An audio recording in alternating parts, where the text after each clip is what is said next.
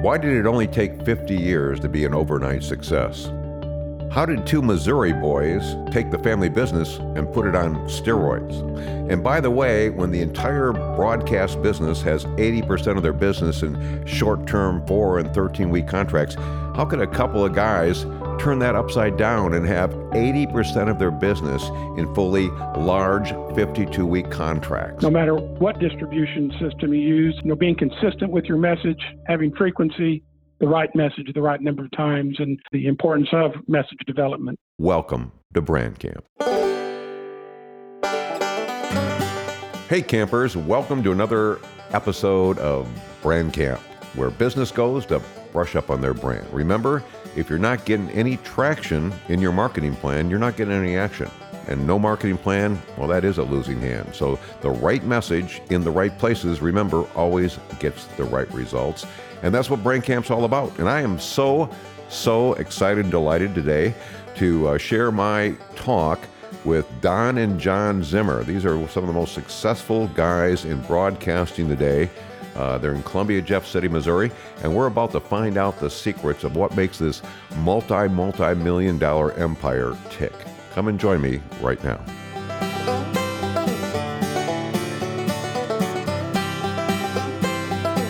Well, if you draw a line between Kansas City and St. Louis, it took me a long time to figure this out, and then you, you put a dot kind of between those two cities, you're going to be pretty close to a place called Columbia, Missouri, and that's a little bit north of the capital, Jeff, Jefferson City. Beautiful, beautiful countryside, rolling hills, and and uh, great, great people, of course. But uh, you come upon that city, you're going to find a miniature, actually mega media empire that now we call Zimmer Communications, run by my two guests that I've been trying for years to get on the podcast. They finally joined me. I said they're harder than getting an audience with the Pope, but here they are to talk about that phenomenal uh, media empire they've built so far up in mid Missouri. Uh, welcome, uh, John and Don Zimmer. How are you doing, gentlemen? Doing great. Doing great. Thanks, Chuck. Great, thank you. Uh, you know, this is the first time I've done a, a, a three-way here, so uh, we'll probably end up stepping on each other. But I, am so delighted to have you both here, uh, the brothers Zimmer, to talk about how you did it. You know, there's a great NPR uh, uh, podcast called "How I Built This," and that's kind of what I was, I guess, looking for the day. Is it's, it's pretty amazing story, and what people don't understand. That let me just shadow this or, or set it up a little better is. I, have been in the, uh, you know, I guess fair, uh, what do they call that? Disclosure. Uh, I've been in the broadcast business many, many years, uh, if you didn't know that. But uh, one thing you need to understand is there's a lot of people in, in this business, have been for a lot of years, but there's a few that have been highly successful doing what they do. And, and we're about to talk to these two gentlemen that are really legends in, in the broadcast industry for what they've done and accomplished. And, and uh, we're going to get a little insight, hopefully, this morning on on how they did it. Because uh, if you're in the world of broadcast and you know the Zimmers, uh, you know the name and you know what they've done, and it's it's just an amazing story. So I've been looking for this to a, a long time. Now, you guys started out growing up in Cape Girardeau, Where did you, where'd you all grow up? Yeah, Chuck, uh, we grew up in uh, Cape Girardeau. That our father uh, was born and raised in Cape, and then oh, he was okay. Yeah, and so, uh, but you know, he was a depression child and uh, or child of the depression. He and mom both were, and um, took him probably 40 years to, uh, you know, finally get into a business, which was the broadcasting business. And uh, he started out in a little town about 30, 40 miles south of Cape, and then uh, struggled for about the first 15 years before he finally moved the family back to Cape Girardeau, uh, right at the time I was born, which was 1958. And then, uh, so we all grew up, you know, uh, some of the older brothers probably graduated. Jerry graduated from a different school, but rest of us, we all pretty much uh, grew up in southeast Missouri and uh, specifically Cape Girardeau, which we plant our flag as kind of. And four four Zimmer boys, right? Six. Six. Holy six cow! Yep. So you had six SOBs, as we call it, son of the bosses. But how many actually were involved at all in the in the broadcast business growing up?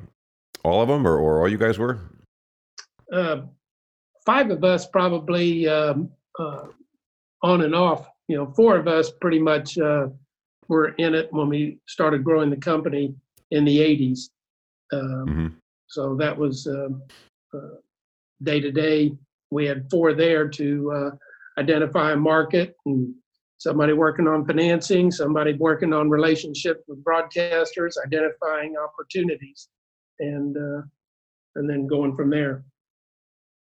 So you really got your hands and feet wet in a lot of different areas growing up through that. That sounds great. And everyone had a different specialty. It sounds like, which is makes a lot of sense. Yeah, and that, and that So was beneficial. go ahead. That was beneficial. What? Give me a good, uh, a, a great story of uh, something you guys screwed up around a radio station when you were growing up and young. I, I got a million of mine, but I, I want to hear yours. Did you do something while your dad was at work on a Saturday that you uh, shouldn't have been doing, or something fun when you're a little bit younger? You remember going to the radio station on the weekends when your dad's working? Well, for me, it was the uh, Sunday morning church programs, running the reel to reels, and then the uh, I didn't have the uh, reel to reel secured properly, and it fell off the reel to reel, rolled out of the control room down the hallway while the program was airing. there goes the I think- church. I, I think one time I was uh, cutting weeds at the transmitter site, and cut into a, uh, a studio link line and knocked us off the air for a while, but made my dad a little bit nervous. But besides that, that was probably the worst thing. Painted a lot of transmitter buildings in our days. I was going to say, Did the you? worst thing was ahead. probably painting the building and the fence over in uh, at the transmitter site in Illinois, and during all the swampy areas and, and flooding, and then I just remember all the mosquitoes that were flying into my mouth. It was so Mhm. thick. I That must be a time- common bond. Go ahead. I remember a brother one time had to sleep in a transmitter building overnight to make sure the pump would continue to work to pump the water out of the transmitter building as the flood wa- as the flood waters continued to get higher and higher. What was it? If, if the pump stopped, you have to start bailing. Is that the deal? Yeah, that that was pretty much it. that is great. I, it seems like most uh, kids of broadcasters start out as what we call the swamp rat role, you know, because it seems like all the transmitters, especially AMs, were in swamps for conductivity, I guess. Yeah, And, uh, you know, someone had to take care of them, so it was always the kids. Uh, Mhm. That's funny because I know a lot of kids in broadcasting. They, they were called Tommy. Tommy was called Swamp Rat. We were all Swamp Rats starting out. So good place to good place to start for all the SOBs and DOBs, daughter of the bosses and son of the bosses. So you you had a chance to kind of do this on your own. When you when did you guys start uh, Columbia together? Then when when did that happen? uh, the uh, first station we acquired was 1990. Okay, Um, together as partners. Okay, Yep. you and John. Yeah, Okay. and uh, it was at that time, you know, that I think at the time there's three FMs in Columbia, and all of them were Class A's, and this was a uh, station with a um, uh, about 20 miles outside of town with a 50 kilowatt upgrade. They could move right into Columbia, and Oh wow! And and uh, just so people know, Class A is the smallest of the three signals, which gets out what twenty miles if you're lucky. yeah, and and Okay. I, I So remember that's a big time- big signal. Yeah, I remember when we did the uh, purchased the property. Everybody thought we were in the state and kind of in the Midwest. Thought we way overpaid for the product and uh, or the license, and um, it was probably one of the best deals we ever made. We we didn't buy it on you know what the thing was worth. We bought it on what we thought we could do with it, and uh, it was a great great uh, beginning to a great market, and uh, where we have ten guys stations today. is it ten now? I thought it was nine. So you're nine stations and and uh, three magazines right now. Is that right? Yes. Three, uh, and then you got a digital division, you got a creative division. I mean, you got a, you've got uh, just a little media, not a little. It's, a great empire, marketing empire that basically could help any business become famous if they want to in, in your area, right? Yeah, I, I think that was, you know, always our vision was, you know, we really never defined ourselves as being in the radio business, though we always felt we had the best distribution system to really drive results for people and make a difference in a market. But we always said, what business are we in? And really, we were in the business of, you know, serving the community, our audiences, and also driving results for our customers. And I think Don and I, that's where we shared probably our biggest passion and uh, uh, alignment as far as that service attitude to our customer success. Eh, You know, a lot of right. broadcasters will say the uh, community thing, the piece, and uh, being involved. You got to marry. But what I don't see them saying, I think what makes you guys so different is this obsession. You're, you guys are monomaniacs on a mission about getting measurable advertising results for your clients, and and that you didn't see as much, and that's that's got to be a big key to I think your success. You agree? Uh, yeah, I, I definitely agree with that. You know, I, I think we just grew up in a family where the DNA was all about serving other people. And, uh, you know, I think the love that we got from our mother and father, but then the self sacrifice, the persistence, all those qualities, you know, were really driven, you know, to raise a family and to serve other people and serve their business. So I think, you know, this for us, it was kind of came natural. We never really thought about it. We never really tried to, you know, analyze it. It was just in the DNA that whole servant servant attitude.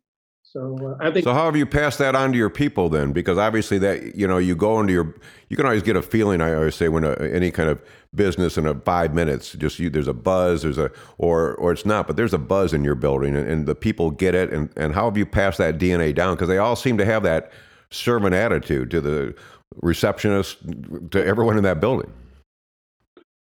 Well, I think one thing that we incorporated into our company years ago was, you know, our mission statement of helping our communities, our associates, and our advertisers, and and then also, you know, launching our core values of our company. And and I think John and I made a conscious decision many years ago that if we were going to spend a lot of time with our associates, that we wanted these people to share the same values as we had. And so, you know, we went along and and uh, developed core values that we look for in our people and those values would be, for example, uh, values like continual improvement, respect, passion, fun, ownership, openness. And, and we took those core values and made a conscious effort to look for people that shared those values and incorporated those values in our interview process to uh, help us attract the kind of people that we really wanted to work with and, and grow with. So I think that was a key element of, of our success in trying to find those like-minded people that share those values. That's exceptional. You, you built the mold kind of, and you just kept tiring uh, towards that mold, which is then- makes a lot of sense. So that's how you replicated that whole DNA process. And then I would add to that, you know, just like he said on the, uh, you know, developing that mission, but I think to have that purpose driven organization, you know, Chuck, and you've only heard Don and I say it a thousand times, but what works in advertising is what you say times how many times you say it. Well, it's the same thing with your internal marketing to make sure you're clear to your people and to the organization, you know, what is our purpose? You know, and our purpose is to get results for our clients and and to serve. So I think you know finding the people that share the values and then the the constant uh, reinforcement of the mission and the purpose, you know, is what equals you know the great results. Yeah, I, I do think, you know, we used to say the three R's, the right message, the right number of time equals results.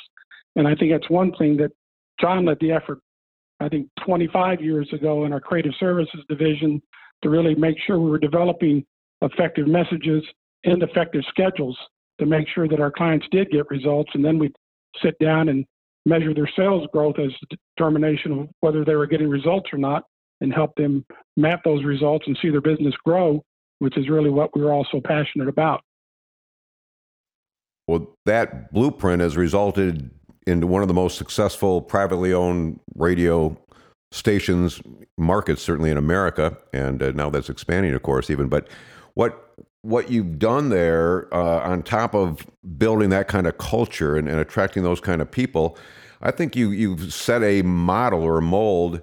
Uh, if anyone ever could figure it out, it's not that hard. But uh, you you've been you've kind of traveled down the, the road less traveled when it comes to the type of advertising you do for your clients. Because uh, in contrast to most radio stations, frankly, in America, that are what I would call uh, they work on the sales activation side or the short term promotion side.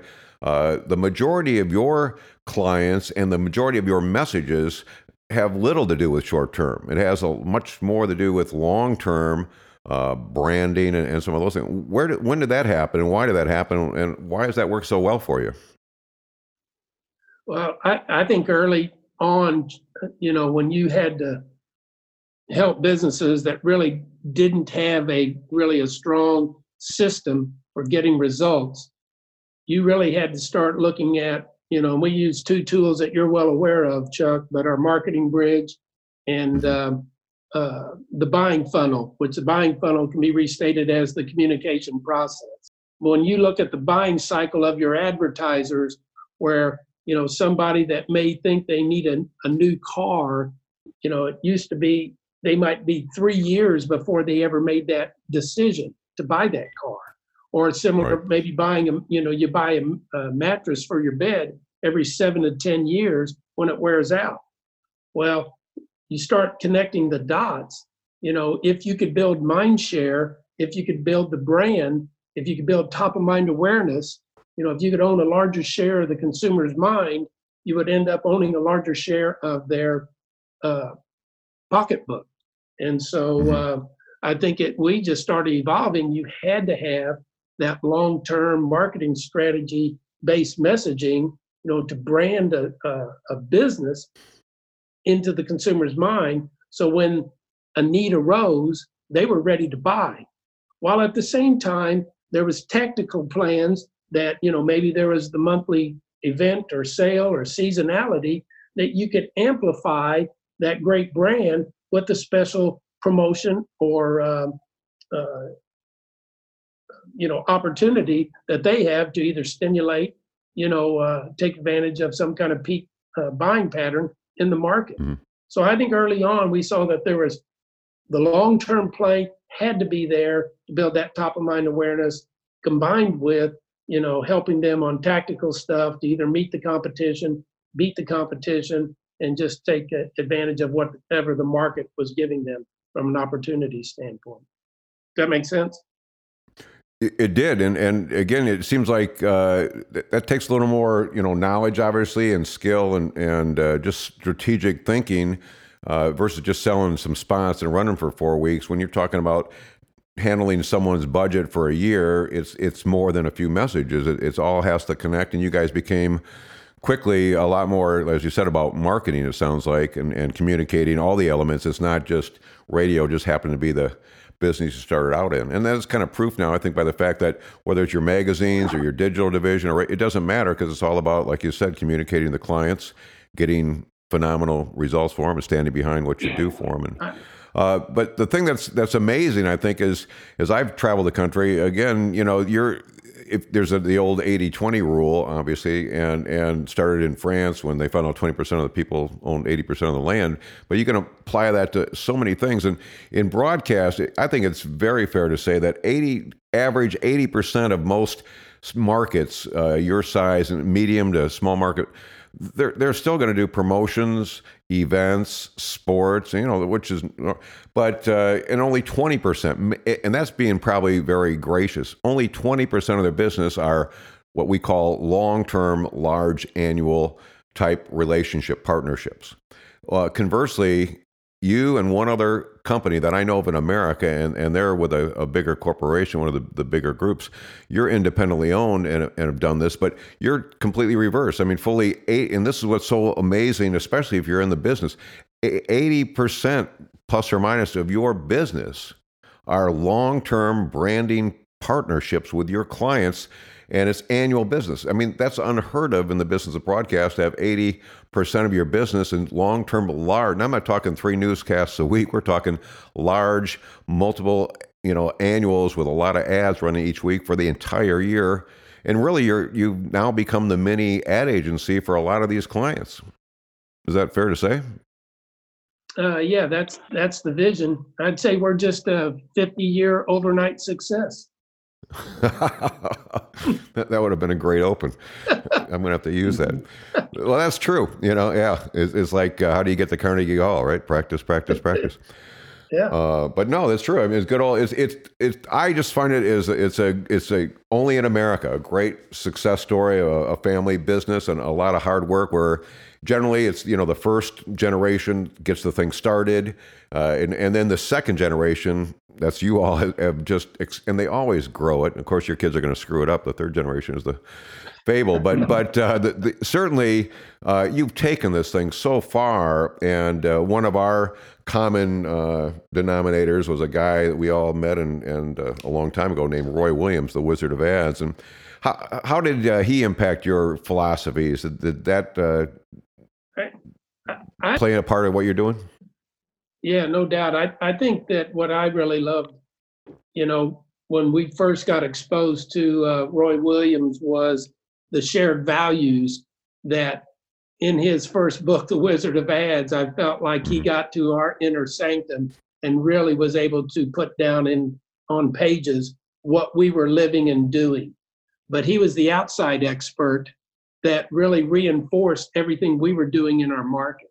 So it was really a great time for us to take uh, that book, you know, his parables, his stories, to really coach, teach, educate our associates and our clients of everything that uh, you know we had been doing, but now it seemed a little bit more formalized, only because we had this uh, great um, best-selling author uh, had the same vision we did when it came to getting results for clients. I think he was so aligned with us with, with message development and Yeah. making sure, and we'd already embraced that internally, but when he came and echoed it with his parables, I think it really dovetailed what we'd already been preaching with the, the importance of the message, the right message, the right number of times, and, and you know things like concentrate and dominate, and you know not be so worried about targeting, and uh, I think those things they just aligned so well with how we felt that it was easy to incorporate you know what he was preaching not unlike you chuck i think you know you deserve a lot of credit too i think uh, a lot of the messages that you gave us certainly influenced uh, and influenced us becoming uh, a company that focused on the right message the right number of times and the, and the importance of message development You're kind, but I'm just I'm happy to carry your guys' lunchbox. So, but but thank you. Uh, what what would you tell uh, broadcasters today, or, or anyone even getting into broadcasting? Some people say, "Wow, radio is kind of old school," and and here you guys are now moving into a new market. It looks like, and and uh, starting a whole new, uh, I guess Zimmer Communications uh, wing in a second market now officially, and which is exciting. And uh, but what would you tell anyone? Some people say, "What do you, what are you doing moving into more radio stations when that's lame street media?" Well, radio still reaches about 93% of the population every month. So we think it's still an excellent distribution system. And uh, again, as John stated earlier, we've always felt we're in the advertising business. So no matter what distribution system you use, you know, being consistent with your message, having frequency, and, and I think incorporating, you know, a lot of your elements into our philosophy, the whole transformation, I think, so powerful you know, because most businesses don't have a strategy. They're, they don't think about strategy-based messaging. They're not consistent in, in their message, you know, across multiple mediums. So I think just some of the fundamental things that that we all agree to are so critical to, to helping our advertisers get better results with their advertising investment. And and I would add on that, you know, Chuck, growing, you know, when I first started out, most of the money it seemed like in the ad business was in newspaper and and uh, direct mail, you know, in in the local advertising space, and that Right. was always to me public enemy number one. Well, now that's that whole new uh, that's been displaced by digital and social. So really, the budget's the same, but it's over in digital and social. You still need a broadcast component, in my opinion, to uh, amplify and really build that frequency to drive those results. You know, search is really direct mail on steroids, and uh, uh, so who I think that it's an excellent opportunity to really buy great radio stations that have great brands and identity in a local marketplace, and then build on that with all the new digital tools, and really then focus in on selling your solution and systems to the client. But I think broadcasting is even more important today to really counterbalance just a, a narrow digital only uh, uh, strategy. I think you got to have both. I think it has to be broadcast plus the digital, you know, to really be effective to get results. I, think you're exactly right. And there has been a rush. Obviously, it's a shiny toy and, and shiny ball and things. But but it, there's a pendulum effect. And, and honestly, I think most people would know if they've spent money. It, it's pretty hard to get famous on Facebook. Uh, you might get found, but you're not going to be famous. And Yeah. your com- your companies have made so many local HVAC, pest control guys, banker. I mean, you go through a list of people that say, "How did you become famous?" And they go Zimmer every time because of the systems and your results orientation. Just again that service attitude. It's it's it's just been nothing short of phenomenal. I think. Uh, so congratulations, you guys are on the right track, and you're just getting warmed up. It sounds like. Well, thank you. Well, we we enjoy what what we do. We enjoy working together, so we have fun. That's a core value. Well, that's that was my probably biggest question. Have you have you guys ever had a fight? You guys for brothers get along famously. Every time I've ever talked to you, have you ever not gotten along, or was there a period of time where you guys have always just been a good pair? I always felt like I probably got along with my brother John better than a lot of my brothers. So uh, all you kind of evolved naturally. But uh, you know, I was the middle child, so it seems like the older brothers always picked on me, but they would never let me pick on John, who's my younger brother. So I don't think John and I experienced a lot of those conflicts, and we shared a lot of the same interests, sports and stuff growing up. So uh, John was pretty easy to get along with. so I've, Well, I've been lucky. Let, let's try this. Uh, we'll go through the brothers together and see how much you're in agreement or not. We call this the Fast Five portion of the podcast, where we like to ask people some of their favorite things. So, if I'm going to ask you both your favorite movie, what's what's your favorite movie, guys? Mine's Red River Cowboy Show, John Wayne. Yeah, good, John. Well, mine would either be Iron Man or Sound of Music. I like now some there's a contrast for you, and everything in between. How about favorite hobby? Uh, I enjoy sports. I enjoy jigsaw puzzles and crosswords.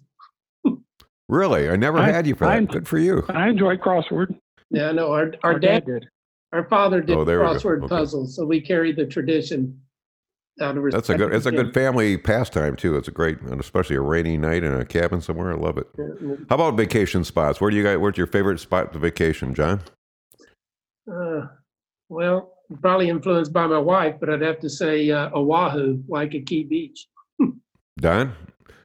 I enjoy Colorado in the summer and the fall. All right, very good. How about uh, let's, I'm going to make you work a little bit more. Uh, favorite quote? If you said, "Hey, here's one of the favorite quotes that's kind of guided my business or life," who would you refer to? You stumped me. What works in advertising? is what you say times Yeah. how many times you say it. I'll stay with that one. Yeah, what's the quote in the one minute salesperson, John? I tend to have more fun, enjoy more financial success, and I stop trying to worry about what I want and help other people get what they want.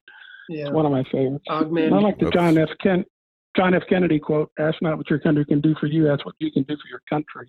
I think about that from the business perspective as well. Just think we had a lot more of that right now in this country. That's what we mm-hmm. need. No doubt wow. about it. Oh yeah. Yeah, great quotes. Well, here's the last fa- fast five question. What's your favorite thing about being a, a guy, guys that own a, a media company? Uh, I know you're having fun, but what's your what's your favorite thing about what's it allow you to do? What do you what do you like about it? What's the favorite thing about it? Well, I enjoy helping businesses grow and helping our associates grow, learning together.